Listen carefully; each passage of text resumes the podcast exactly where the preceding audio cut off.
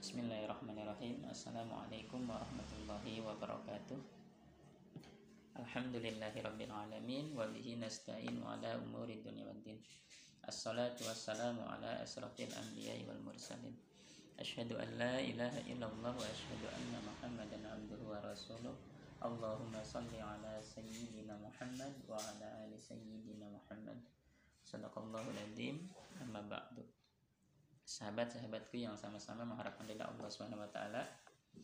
Segala puji hanya milik Allah Subhanahu wa taala. Segala zat yang Maha Ghafur, zat yang Maha Syukur yang telah memberikan beribu-ribu nikmat yang tidak terukur. Nikmat iman, nikmat Islam, sampai nikmat sehat walafiat.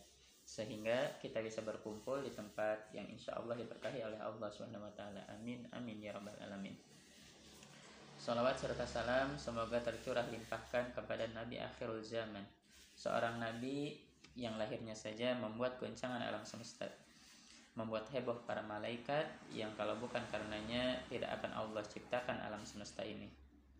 Siapakah dia? Tidak lain dan tidak bukan yaitu Nabi Muhammad SAW Semoga keluarganya, sahabatnya, dan kita selaku umatnya yang mengikuti sunnah-sunnahnya semoga mendapat syafaatnya di yaumil kiamat. Amin, amin ya rabbal alamin. Sahabat-sahabatku yang sama-sama mengharapkan di Allah Subhanahu wa taala. Alhamdulillahirabbil alamin. Pada kesempatan ini Allah masih memberikan kesempatan kepada kita sehingga kita bisa menghadiri kajian kita di pagi hari ini. Baik, kajian kita di pagi hari ini insya Allah kita akan membahas tentang pasal mengurus mayat. Baik langsung saja kita mulai kajian kita di pagi hari ini. Bismillahirrahmanirrahim. Faslun Alladhi yalzamu lil mayyiti arba'u khisalin. Gusluhu wa takfinuhu wassalatu alaih wa yang wajib dilakukan untuk mengurus mayat ada empat. Yaitu yang pertama memandikannya. Yang kedua mengafani atau membungkusnya. Yang ketiga menyolatkannya. Dan yang keempat menguburkannya.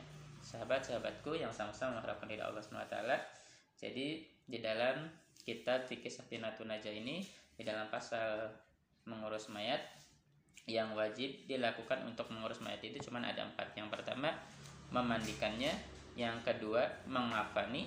Yang ketiga menyolatkannya dan yang terakhir menguburkannya. Itu yang wajib. Empat. Nah untuk mengurus mayat untuk mengurus mayatnya apabila matanya mata si mayat itu terbuka maka tutupkanlah matanya pelan-pelan. Dan mulutnya kalau misalkan mulutnya terbuka maka ditutuplah mulutnya juga. Terus tinggikanlah tempatnya. Misalnya jadi si mayat tersebut di, jangan disimpan di lantai. Ya minimal ada kasurnya di situ. Jadi jangan di lantai dan si mayat tersebut harus ditutupi memakai kain. Setelah itu lemaskanlah ruas-ruasnya dan apabila misalkan sudah terlalu tegang si mayatnya ruas-ruasnya itu maka tidak tidak perlu dipaksakan. Tapi kalau misalkan masih belum tegang maka lemaskanlah ruas-ruasnya untuk mensedakapkan tangannya.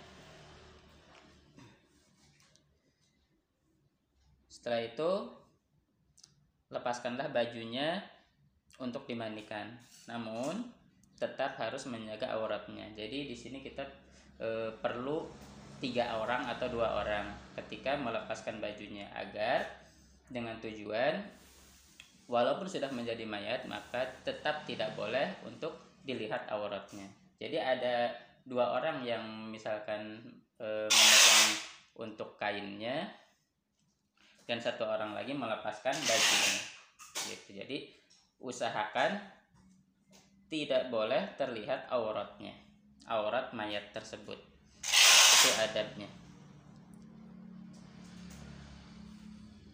Nah untuk menangis itu sebenarnya boleh. Yang tidak boleh itu menangis yang meratapi. Contohnya menjerit terusan e, memukul merobek bajunya seolah-olah dia itu tidak terima dengan ketentuan yang Allah berikan atas mayat tersebut. Nah, itu yang tidak boleh, yang tidak boleh dilakukan oleh keluarganya. Kalau menangisnya mah boleh.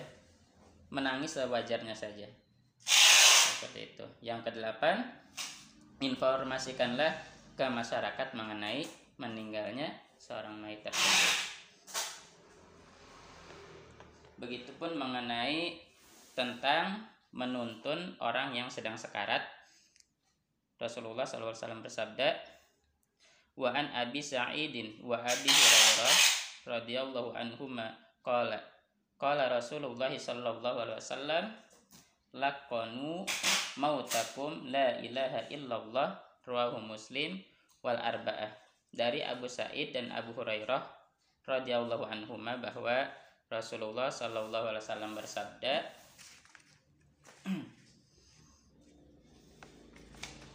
Tuntunlah orang yang hampir mati di antara kamu dengan lafaz la ilaha illallah.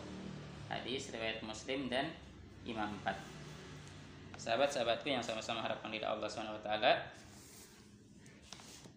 catatan atau penjelasan dari kitab fikih Safinatun aja ini mengenai mengurus mayat. Yang pertama, seandainya mayat tidak bisa dimandikan karena mati, terbakar dan sebagainya, boleh dengan ditayamumi. Seandainya mayat laki-laki tidak ada yang memandikannya kecuali hanya ada perempuan yang bukan mahram, maka ditayamumi saja dengan kain penyapu.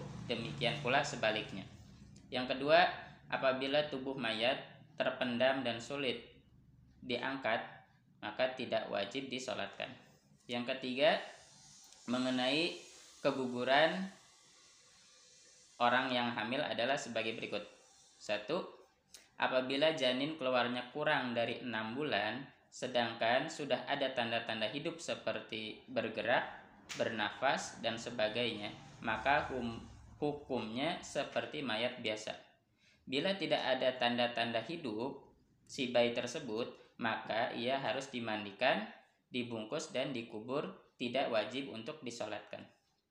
Yang kedua, apabila janin keluarnya sudah dikandung lebih dari enam bulan hukumnya seperti mayat biasa meskipun lah lahirnya sudah meninggal dalam keadaan sudah meninggal si bayi tersebut maka hukumnya seperti mayat biasanya yang keempat mengenai mayat yang belum dihitan wajib mencuci bagian dalam kulupnya. Menurut pendapat yang lebih sah menurut Syekh ubadi dibolehkan tidak dicuci dan tidak perlu dipaksakan. Sahabat-sahabatku yang sama-sama harapkan dari Allah SWT Alhamdulillahirrahmanirrahim pada pertemuan hari ini kita sudah membahas tentang mengurus mayat dan insya Allah pada pertemuan berikutnya kita akan membahas tentang pasal memandikan mayatnya baik eh, sebelum kita akhiri pertemuan kita di pagi hari ini mari kita berdoa kepada Allah Subhanahu wa taala. Mudah-mudahan dosa-dosa kita diampuni oleh Allah Subhanahu wa taala dan doa-doa kita dikabulkan oleh Allah Subhanahu wa taala. Amin amin ya rabbal alamin. Bismillahirrahmanirrahim. Allahumma salli ala sayyidina Muhammad wa ala ali sayyidina Muhammad.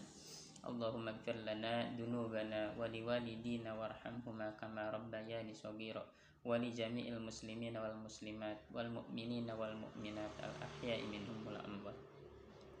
Allahumma inna nas'aluka salamatan fid din wa fil jasad wa fil ilmi wa barakatan fil rizqi wa taubatan qabla al